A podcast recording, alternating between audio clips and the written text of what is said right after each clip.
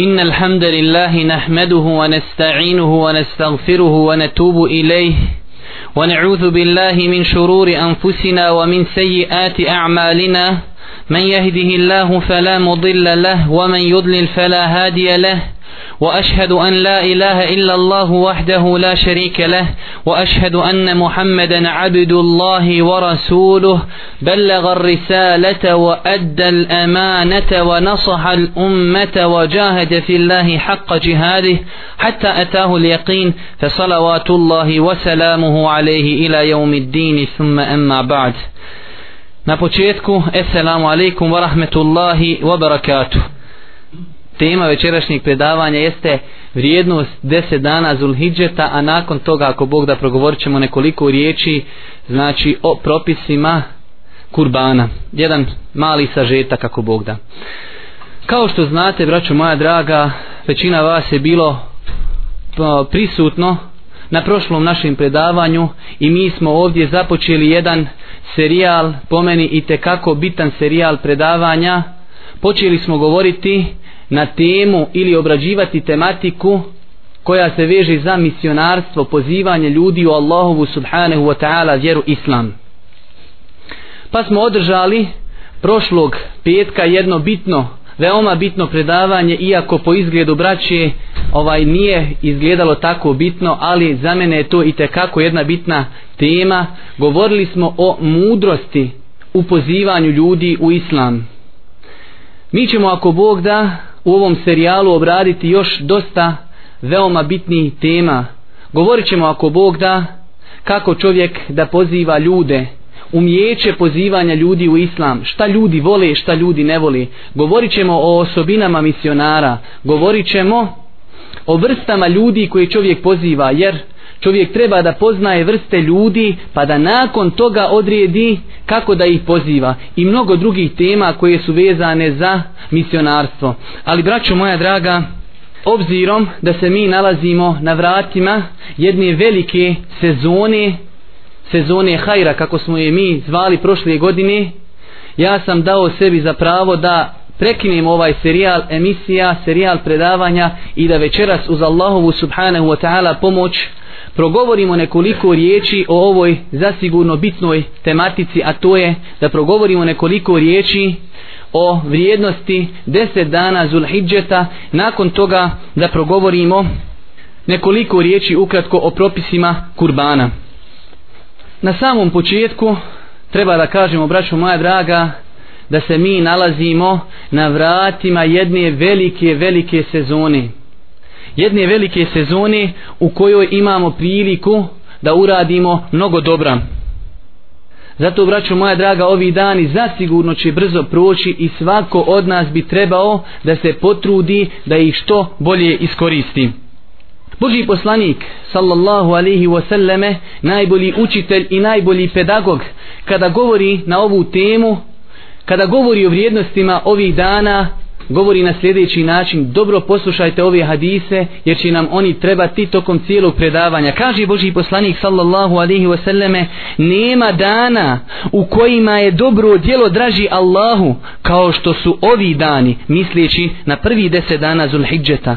Allahov poslaniće, ni džihad na Allahovom putu, upitaše ashabi, kaže Boži poslanik, ni džihad na Allahovom putu, osim čovjeka koji u borbi založi svoj život i svoj imetak i ništa od toga ne vrati, odgovorio je Boži poslanik sallallahu alihi wasallame. U drugoj predaj ovog hadisa stoji da je Boži poslanik kazao, Nema dana u kojima je dobro djelo veći i draži Allahu kao što su ovi da, dani, deset dana Zulhidžeta, zato čijesto izgovarajte tahlil, la ilaha illa Allah, tekbir, Allahu ekber i tahmid, da čovjek zahvaljuje Allahu subhanahu wa ta'ala.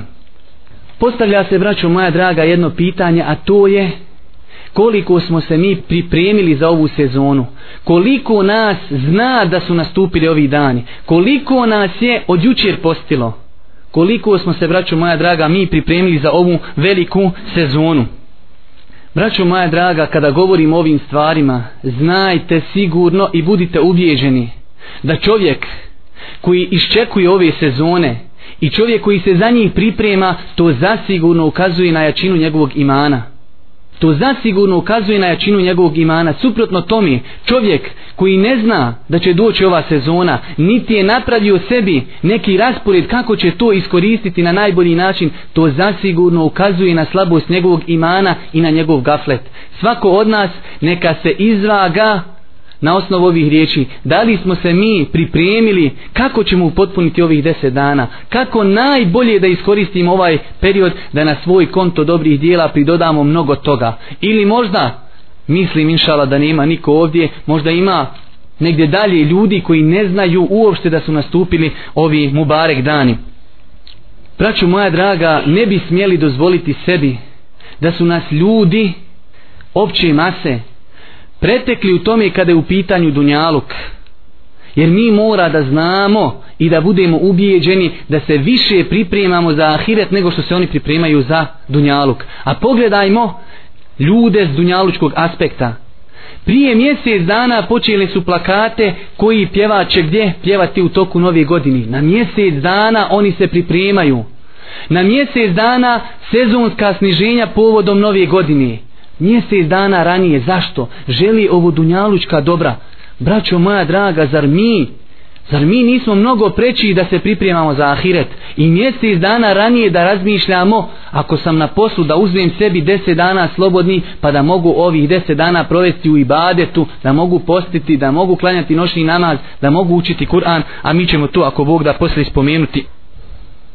Braćo moja draga, jedna od odlika ovog ummeta, a ujedno je to i jedna Allahova subhanahu wa ta'ala blagodat prema nama jeste i to što je dao da prosječna životna dob ovog ummeta je mnogo kraća od prijašnjih ummeta, prijašnjih naroda.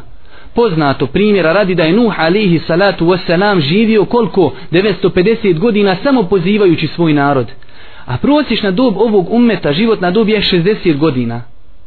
Ali zato, braćo moja draga, od milosti Allaha Đerlešanhu prema ovom umetu jeste da je dao ova mubarek vremena, da je dao Ramazan, da je dao deset dana Zulhidžeta, da je dao još neke druge sezone kada čovjek u malom vremenu, vremenskom, znači razdoblju, može da uradi mnogo dobrih dijela i da se time približi Allahu subhanahu wa ta'ala.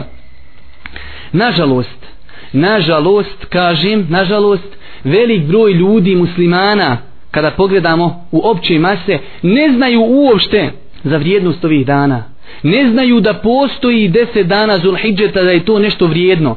Druga stvar iako neko zna tu vrijednost ne znaju ljudi kada nastupa početak ti dana zulhidžeta. Suprotno tome kada bi samo to bilo da kažemo ljudi ne znaju da postoji zulhidže ljudi se ne pripremaju to bi opet nekako se moglo tolerisati ali ljudi u ovim mubarek vremenima možemo i nazvati svijetim vremenima suprotno pripremaju se braćo moja draga za doček nove godine. Pripremaju se da obilježe kjafirski nevjernički praznik samo obilježavanje tog praznika je haram zabranjeno, strogo zabranjeno vjerom, a da ne govorimo o popratnim stvarima, o načinu dočekivanja i obilježavanja tog praznika, koliko se samo alkohola popije, koliko se samo muzike čudne za taj praznik, koliko samo bluda, koliko miješanja muškaraca i žena i mnogo drugih stvari.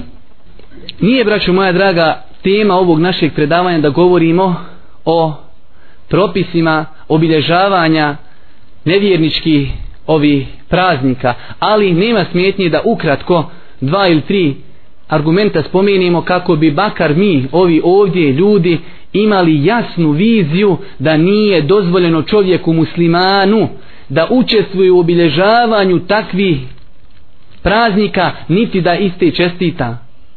Moramo biti na ubjeđenju i da imamo jasnu viziju mnogo je argumenata.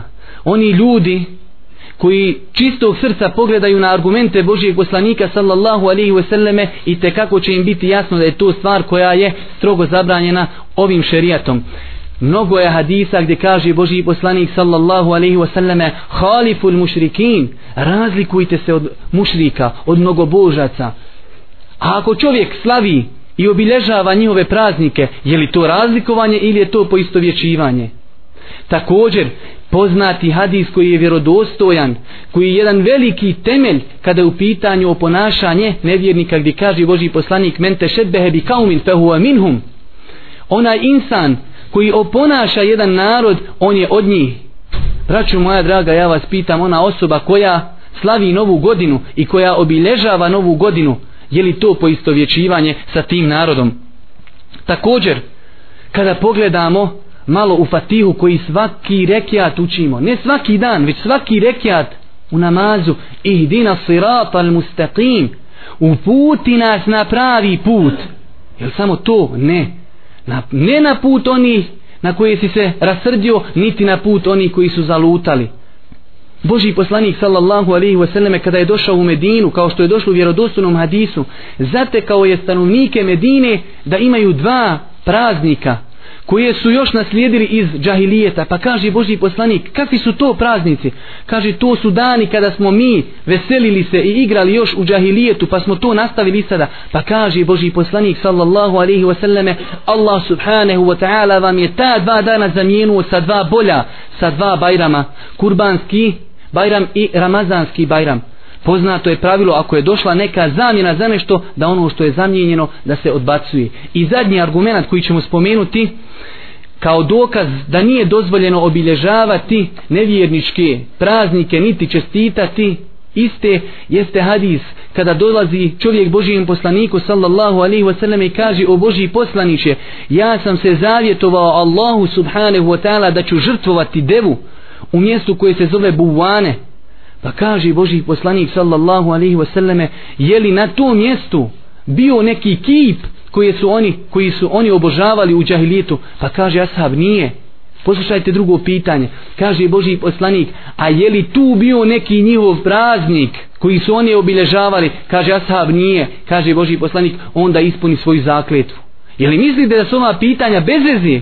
Da je Boži poslanik nako slučajno upitao je li tu bio neki njihov praznik koji su oni obilježavali. Nije slučajno. Da je odgovorio jest bio, ne bi mu Boži poslanik dozvolio da ide.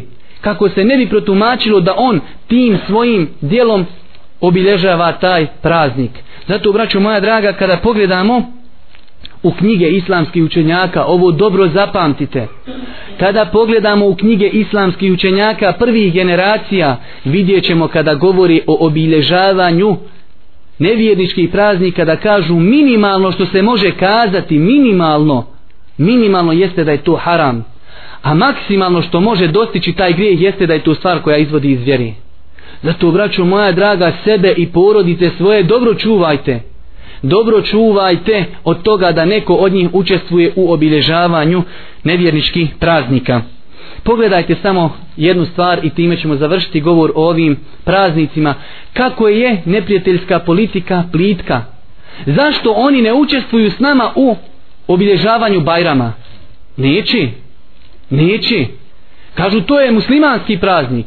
A njihovi praznici Nova godina, e to je internacionalno. Muslimani vi s nama obilježavajte naše praznike. A kada je u pitanju naš praznik, da neko ne pomisli, tamam da stanu sutra s nama usaf i obilježavaju Bajram, nama opet nije dozvoljeno obilježavati njihove praznike. Ali vidite li politike, muslimani s njima proslavljaju njihove, o, idu na ponoćku, idu na rožić.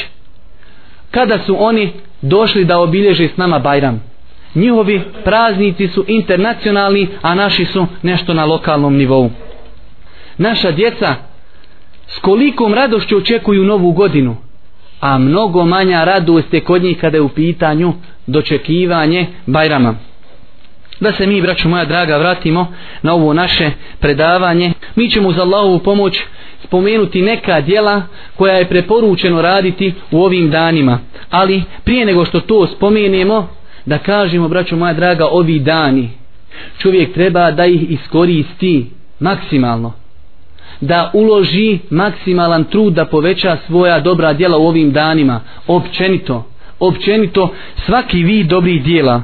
Jer, braćo moja draga, čovjek musliman trebao bi da živi po motu, da njegov životni moto bude konstantno rađenje dobrih djela. A ako pridodamo na to nekom barek vrijeme kao što je ovo vrijeme 10 dana Zulhidžeta onda čovjek musliman treba da da maksimalan trud kako bi ta vremena iskoristio. Jer braćo moja draga vidjeli smo da Boži poslanik sallallahu alaihi wasallam kaže u hadisu nema dana u kojima je dobro djelo. Ovdje kaže Boži poslanik dobro djelo. Ovo je opći pojam što znači obuhvata sve vrste dobrih djela čovjek bi trebao da se potrudi u rađenju bilo kojeg dobrog djela. Normalno mi ćemo spomenuti neka djela zbog njihove važnosti i njihove bitnosti. A ne nikako da čovjek ne treba raditi neka druga djela. Jer vidimo da Boži poslanik sallallahu alaihi wasallam je ovaj hadis iskazao znači u općem karakteru što znači obuhvata rad svih dijela pa na primjer mi ćemo spomenuti izdvojiti nekoliko dijela koja su i tekako preporučena. Prva stvar jeste nažalost velik broj nas nije u mogućnosti ali oni ljudi koji mogu da u ovim danima urade jedno od najdražih dijela Allahu Đelešanu a to je da odu, da obave hađ i da obave umru. Mnogo je hadisa koji ukazuju na vrijednost obavljanja hađa i umri ali da nema drugog hadisa osim to da je Boži poslanik sallallahu alaihi wasallam kazao za obavljen hađ primljen hađ nema druge nagrade do džennet to bi bilo i tekako dovoljno. Također braćo moja draga preporučeno je u ovim danima da se posti. Normalno čovjek musliman bi trebao da posti tokom cijele godine dobrovoljni post ne mislim znači cijelu godinu ali tokom cijele godine je da u njegovom životu postoji nešto što se zove dobrovoljni post. Ali u ovim danima braćo moja draga i te kako čovjek bi trebao da poveća taj ibadet. Primjera radi samo jedan hadis gdje kaže Boži poslanik sallallahu alaihi wasallam u Buhari i muslimu da kaže men same jaumen fi sabili Allahi ba'ada Allahu vajhehu anin nari seb'ina harifa ko posti jedan dan na Allahovom putu neki kažu da se to misli na džiha, u džihadu a neki kažu u ime Allaha ko posti jedan dan u ime Allaha subhanahu wa ta'ala Allah će zbog tog dana njegovo lice odaljiti od vatre džehennema 70 godina Zato, braću moja draga, ovo su dani i te kako velika prilika da čovjek poveća ovaj ibadet. Normalno, akcenat treba da stavimo na dan Arefata, deveti dan Zulhidžeta, a to je ako Bog da sljedećeg petka, mi smo, ako se sjećate, prije nekoliko dana govorili o osobenostima dana petka, pa smo kazali između ostalih stvari da je Boži poslanik sallallahu alihi wasallam zabranio da se posti petak sam. Pa zato je znači preporučeno i tekako da se posti znači četvrtak sa petkom pošto se ne može subota pripojiti petku jer je po konsenzusu islamskih učenjaka zabranjeno postiti na dan Bajrama. Zato kažemo ovaj treba veliki akcenat da stavimo na post devetog dana Zulhidžeta, a to je dan kada hađije boravi na Arefatu. Boži poslanik sallallahu alaihi wasallame kaže u hadisu koji je prenio Ebu Katade radijallahu ta'ala anhu, a zabilježio je hadis muslim, kaže nadam se i vjerujem da će Allah subhanahu wa ta'ala za post na dan Arefata oprostiti grijehe prošle i buduće godine. Vidite, vraću moja draga, kako Allah Đelešanuhu nagrađuje. Zato ovaj dan dobro organizujte sebe i svoje porodice, čak pozovite i komšiluk u tu veliku hajili stvar da se posti ovaj deveti dan. Normalno znači da je preporučeno da se posti sa njim i četvrtak kako bi se ovaj izbjegla zabrana Božih poslanika sallallahu alaihi wasallame da se posti petak sam. Također braćo moja draga od dijela koja je i kako preporučeno raditi u ovim danima, odnosno desetog dana Zulhidžeta na dan Bajrama jeste klanje kurbana.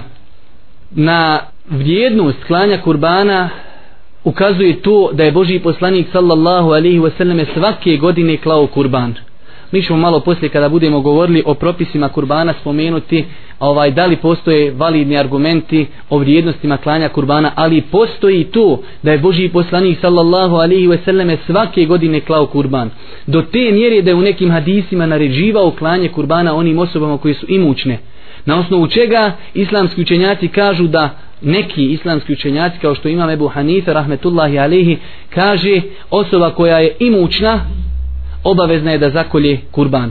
Tog stava je bio također šehol islam ibn Tejmije rahmetullahi alehi također na vrijednost klanja kurbana ukazuje to da islamski učenjaci kažu bolje je zaklati kurban nego podijeliti sadake protuvrijednost ako ćeš kupiti kurban za 300 maraka bolje je da kupiš kurban i zakolješ ga nego da uzmeš 300 maraka i podijeliš i sadake. To i tekako ukazuje na vrijednost klanja kurbana također braćo moja draga ove dane treba iskoristiti da se pokajimo Allahu subhanahu wa ta'ala da obnovimo naša pokajanja da obnovimo naše ugovore sa Allahom subhanahu wa ta'ala i da pokušamo da ovi dani budu naša da kažemo neka početna tačka kada ćemo mi okrenuti novu stranicu u našem životu. Da vraću moja draga iskreno se pokajimo Allahu subhanahu wa ta'ala. Također od stvari koje su i tekako preporučene jeste zikr spominjanja Allaha Đelešanu kao što je spomenuo Boži poslanik sallallahu alaihi ve selleme da mnogo, mnogo upućujemo dovu Allahu subhanahu wa ta'ala jer je dova braćo moja draga jedan veliki ibadet nažalost zapostavljen od velikog broja nas.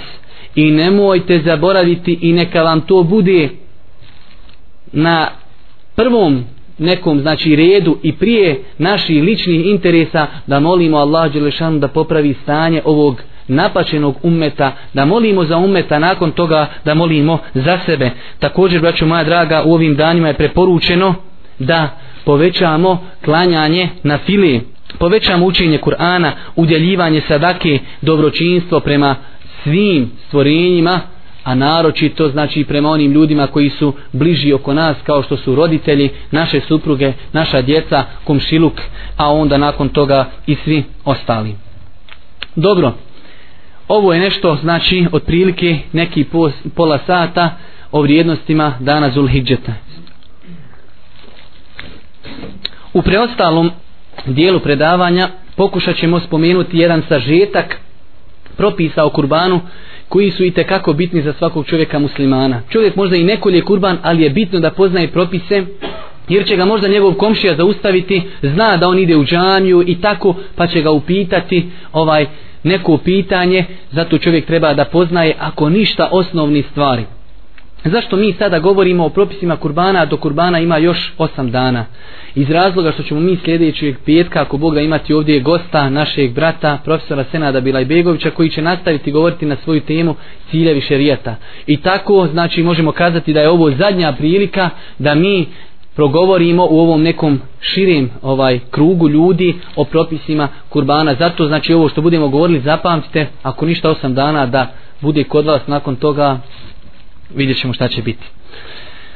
Dobro, prva stvar koju želimo spomenuti jeste da je kurban ibadet. Kurban je, braću moja draga, ibadet i na propisanost tog ibadeta ukazuju argumenti Kur'ana, sunneta i konsenzusa islamskih učenjaka. Kazali smo uvijek, kada govorimo o nekoj vrsti ibadeta, uvijek na početku toga spomenemo argumente koji ukazuju na propisanost tog ibadeta. Zašto? Kako bi se sačuvala Allahova subhanahu wa ta'ala vjera od stvari koje nisu od njih. Zato uvijek kada govorimo o nekom ibadetu na početku kažemo na propisanost ovog ibadeta ukazuju argumenti Kur'ana ili sunneta ili konsenzusa ili ovaj ispravni analogije.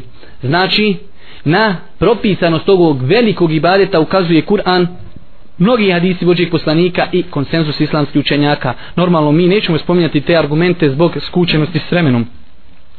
Što se tiče argumenta koji ukazuju na vrijednost klanja kurbana, po nekim islamskim učenjacima, hadijskim ekspertima, ne postoji ni jedan validan argument koji ukazuje na vrijednost klanja kurbana konkretno, kao što su hadisi da će kurbani nositi ljude preko sira čuprije ili za svaku kap krvi ili za svaku dlaku da će čovjek imati sevap, to su svi hadisi koji nisu vjerodostojni, neki od njih su apokrifni, a neki su daif hadisi. Znači, po nekim islamskim učenjacima nema niti jednog argumenta vjerodostojnog koji ukazuje na vrijednost.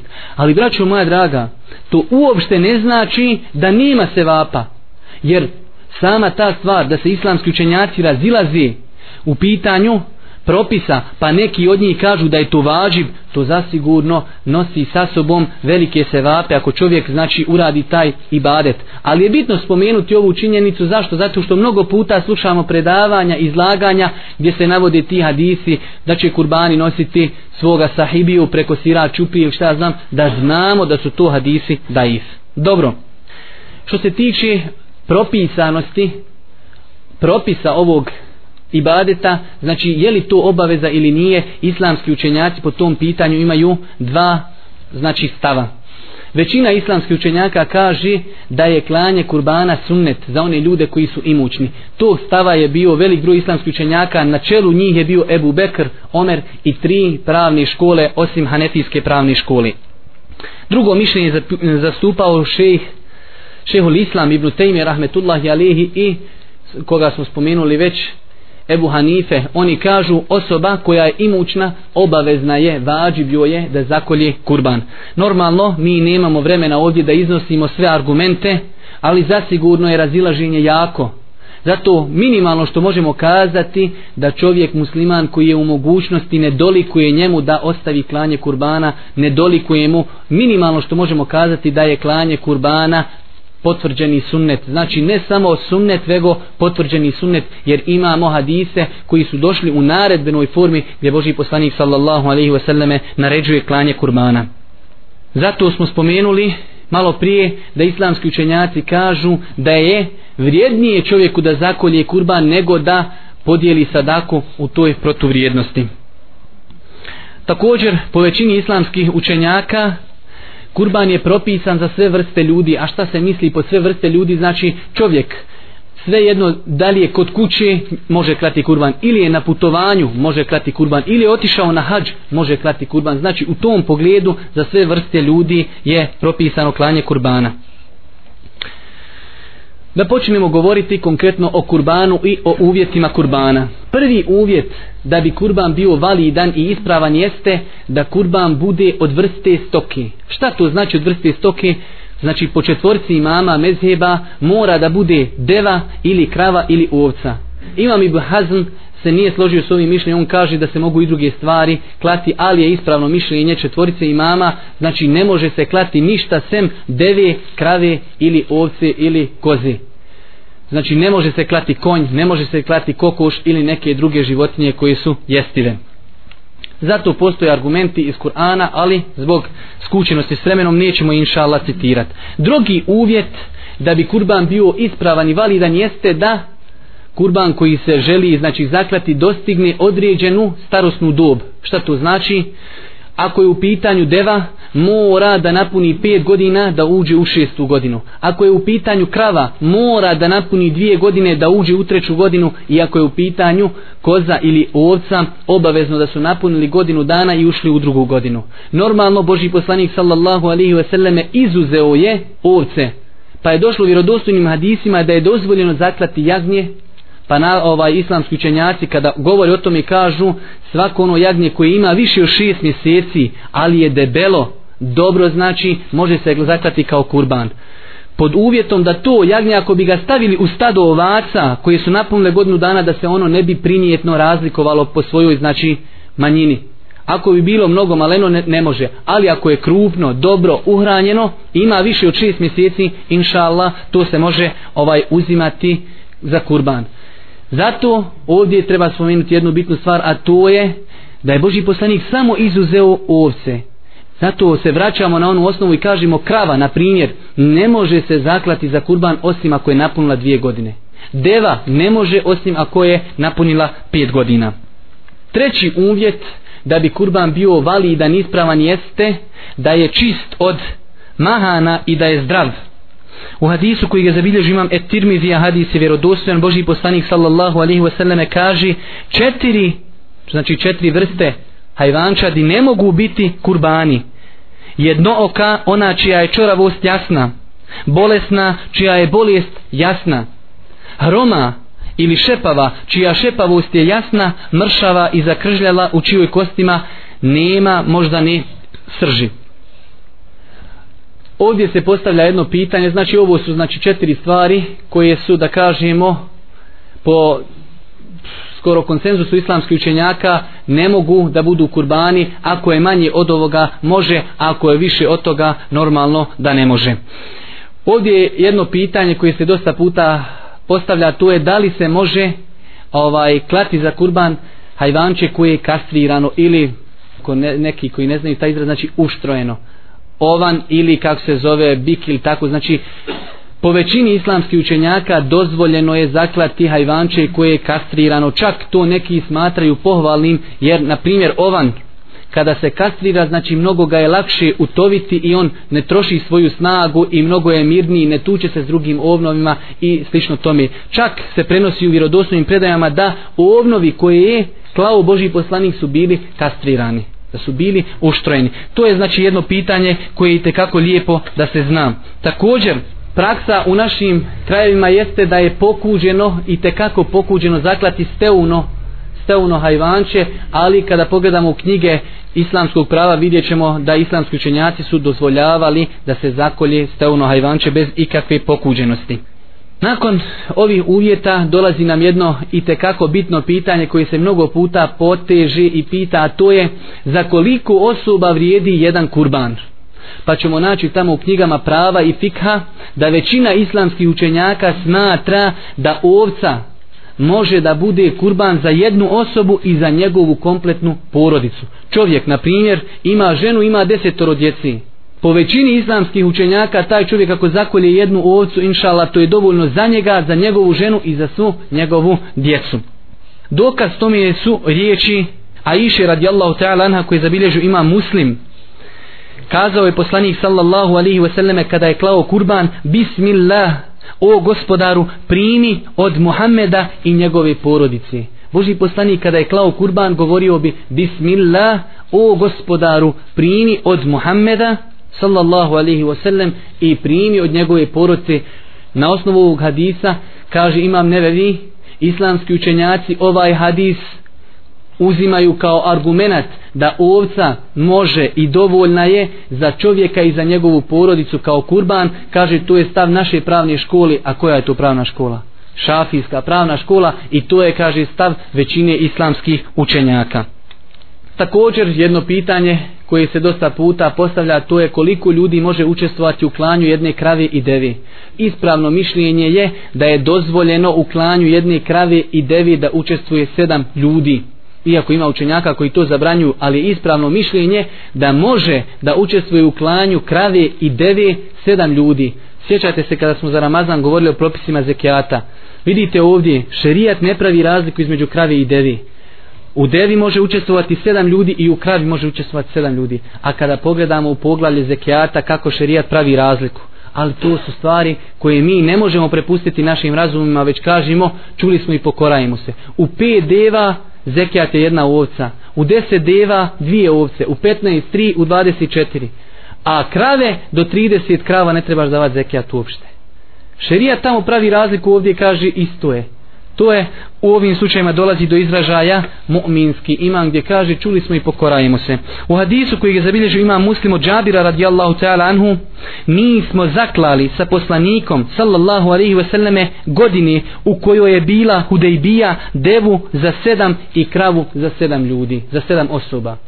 Džabir radijallahu ta'ala anhu kaže mi smo klali još za vrijeme Božijeg poslanika u godini Hudejbije klali smo kravu za sedam i devu za sedam osoba. Ovo je znači i tekako jak argument kojeg je zabilježio ima muslim koji ukazuje na to da je dozvoljeno da u klanju krave ili deve učestvuje sedam osoba. Dobro. Nakon ovoga dolazi jedno pitanje koje nije toliko bitno ali lijepo je da se zna koja vrsta kurbana je najvrijednija? Da li je vrijednije zaklati ovna ili devu? Po ovom pitanju islamski učenjaci imaju tri različita mišljenja, brzo ćemo ih spomenuti. Jedni kažu najbolje je zaklati devu, pa kravu, pa ovna. Drugi su okrenuli pa kažu najbolje je zaklati ovna, pa kravu, pa devu. A ima Ebu Hanife kaže najbolji je kurban oni, onaj kurban koji je najskuplji, onaj koji je najviše mesa ima. Allah najbolje zna, ja mislim da je najispravnije mišljenje većine pravnika koji kažu da je najvrijedniji kurban deva, nakon toga krava, nakon toga ovca. U hadisu koji je zabilježio imam Buharija i muslim od Ebu Hureyre stoji poznat hadis koji smo neki dan spominjali o propisima džumi. Kaže Boži poslanik ko se okupa kod kući pa ode kaže porani u džamiju u prvom satu kao da je zaklao šta? Devu. Vidimo da je ovdje najveća nagrada za onoga koje najviše poranio deva što ukazuje na njenu ovaj vrijednost. Pa kaže ko ode u drugom satu kao da je, kao da je zaklao kravu pa ko ode u trećem kao da je zaklao ovaj ovcu i tako dalje. Vidimo da ovdje Boži poslanik kreće od redos po redoslijedu da je najvrijedniji kurban znači najvrijednija ta žrtva deva u svakom slučaju ako bi neko zastupao i neko drugo mišljenje ima pravo na to.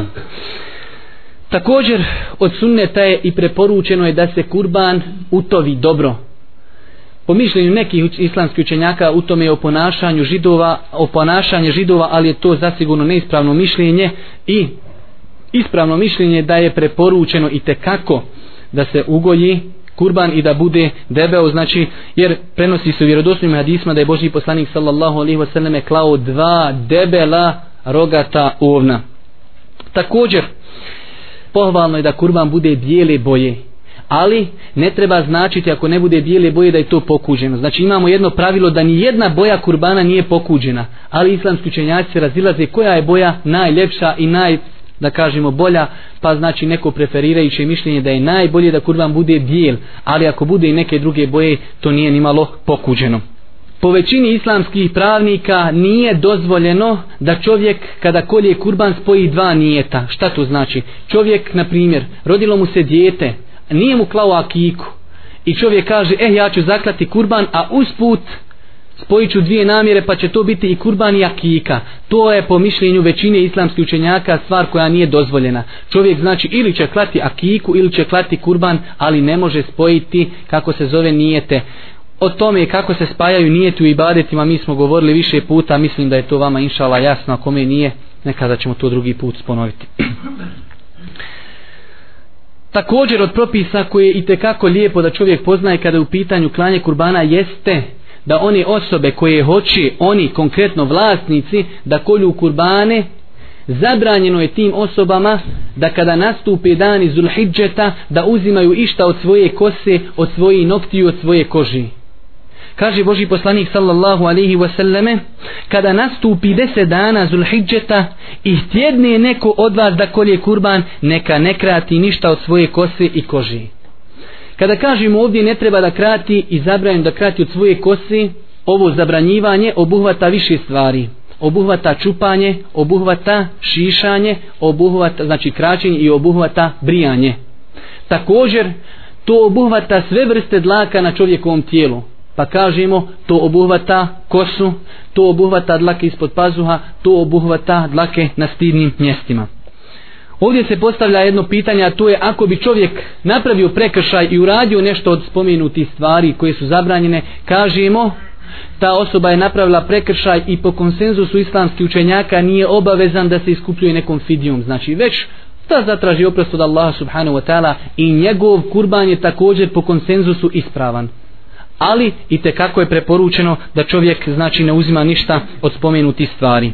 Nakon svega spomenutog dolazimo do toga da govorimo kada nastupa vrijeme klanja kurbana. Ovo je, braćo moja draga, bitno pitanje. Zašto? Zato što Boži poslanik sallallahu alaihi wa sallam ashabima koji su zaklali prije namaza naredio je da zakolju drugi kurban. Što znači ovo pitanje je bitno zato što može nečiji kurban da da kažemo da propadne i da nije znači ukabuljen kao kurban. Zato kažemo početak vremena nastupa sa završetkom namaza.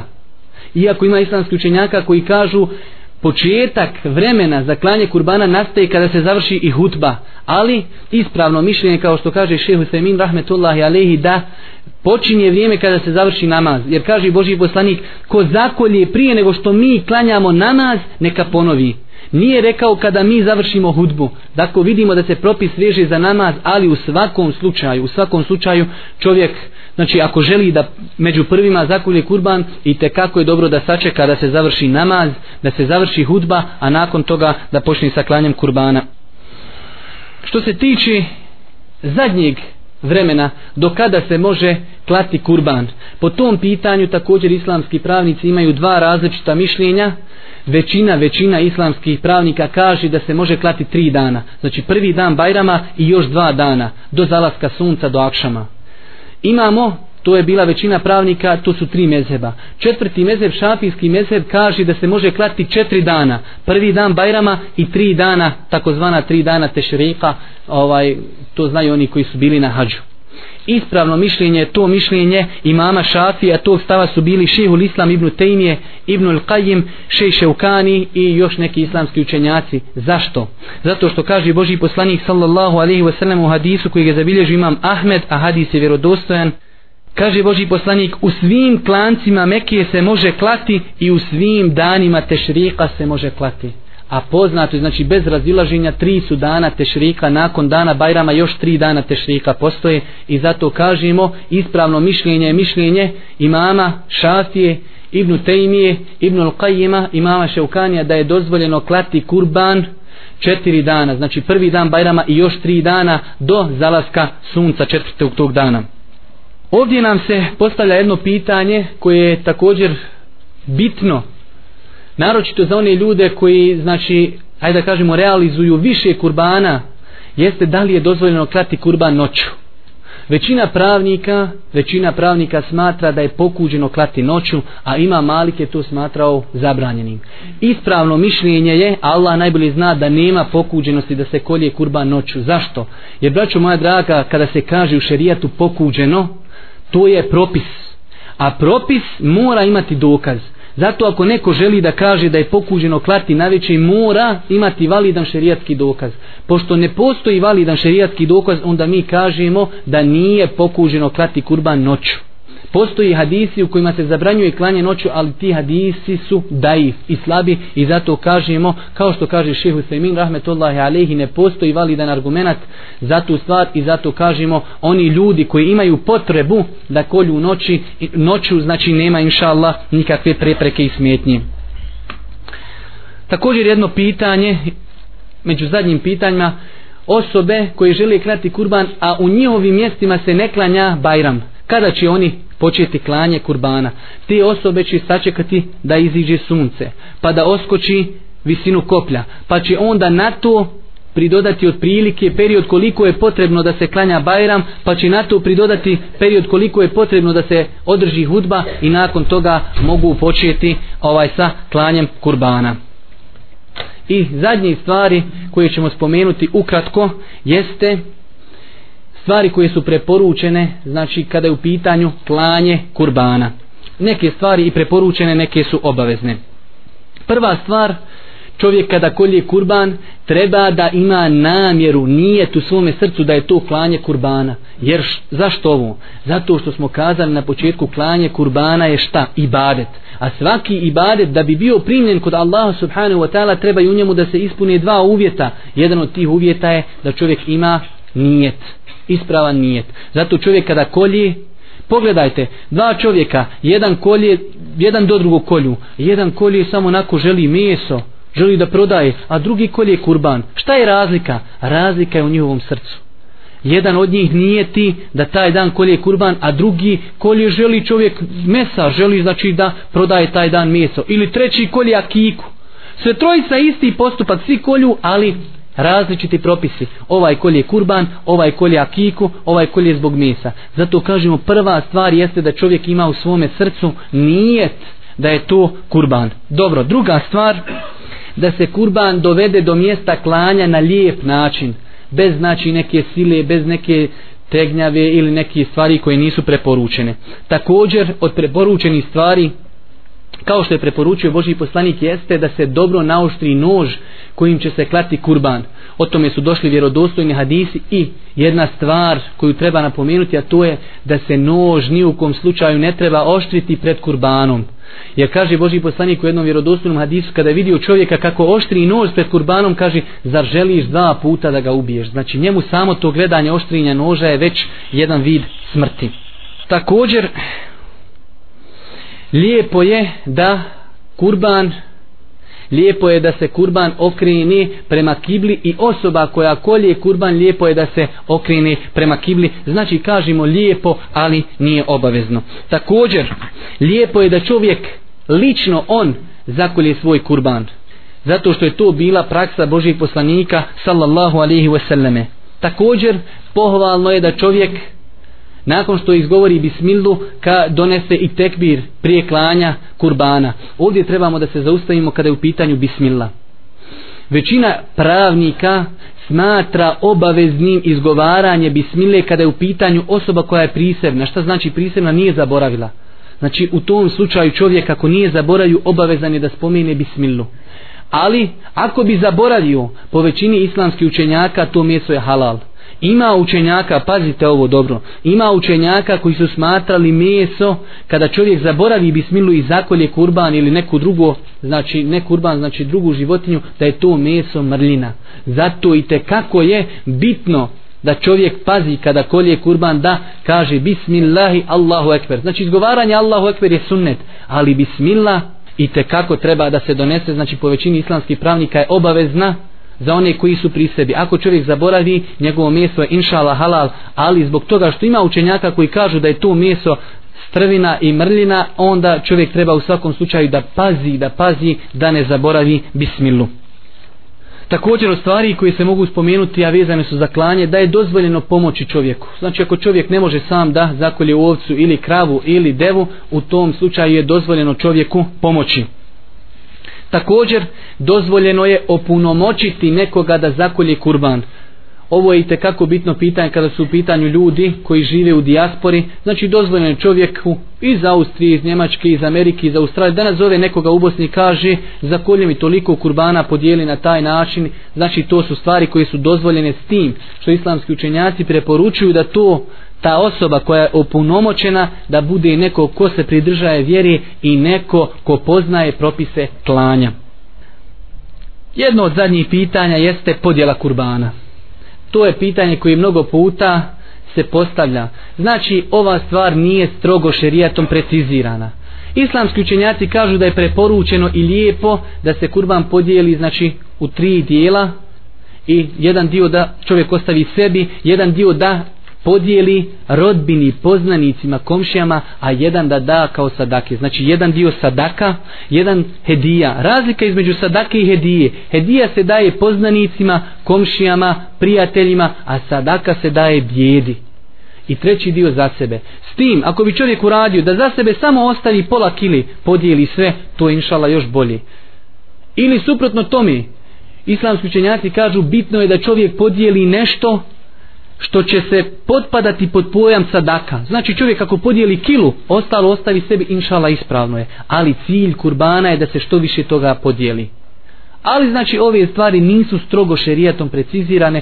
Kako god da čovjek inšala podijeli, osim to što kažu učenjaci, neki kažu da je obavezno nešto malo pojesti od kurbana, a neki opet kažu da je nešto obavezno podijeliti. Znači čovjek ako ove dvije stvari ispuni, ostalo kako god da postupi, inšala ispravno je.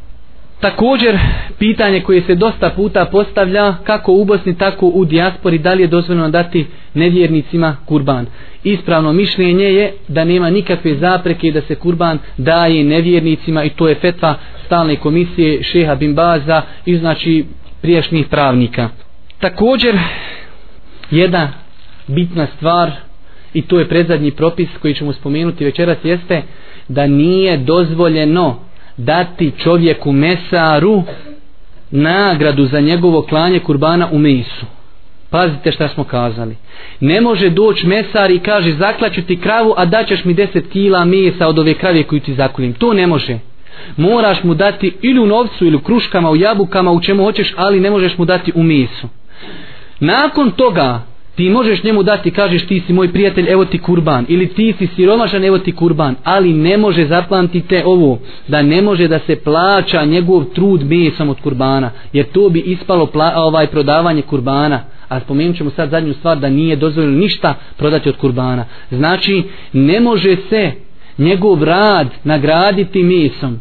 Može mu se dati kurban zato što je siromašan, zato što ti je prijatelj, ali ne može se kao nagrada za trud. Zato dobro ovo napravite sebi razliku. Do, jer došla je zabrana u vjerodostojnom hadisu Božih poslanika sallallahu alaihi wasallam da je zabranio da se mesarima plaća u meso od kurbana. I zadnja stvar znači da ovaj nije dozvoljeno ovaj prodavati ništa od kurbana. Na kraju molimo Allaha Đelešanu da nas poduči propisima njegove vjeri. Molimo ga subhanu wa ta'ala da nas učvrsti u ovim teškim vremenima i molimo ga subhanu wa ta'ala da nas sakupi u džennetu kao što nas je sakupio i ovdje. Subhaneke Allahumma wa bihamdike ashhadu an la ilaha illa anta astaghfiruka wa atubu ilaik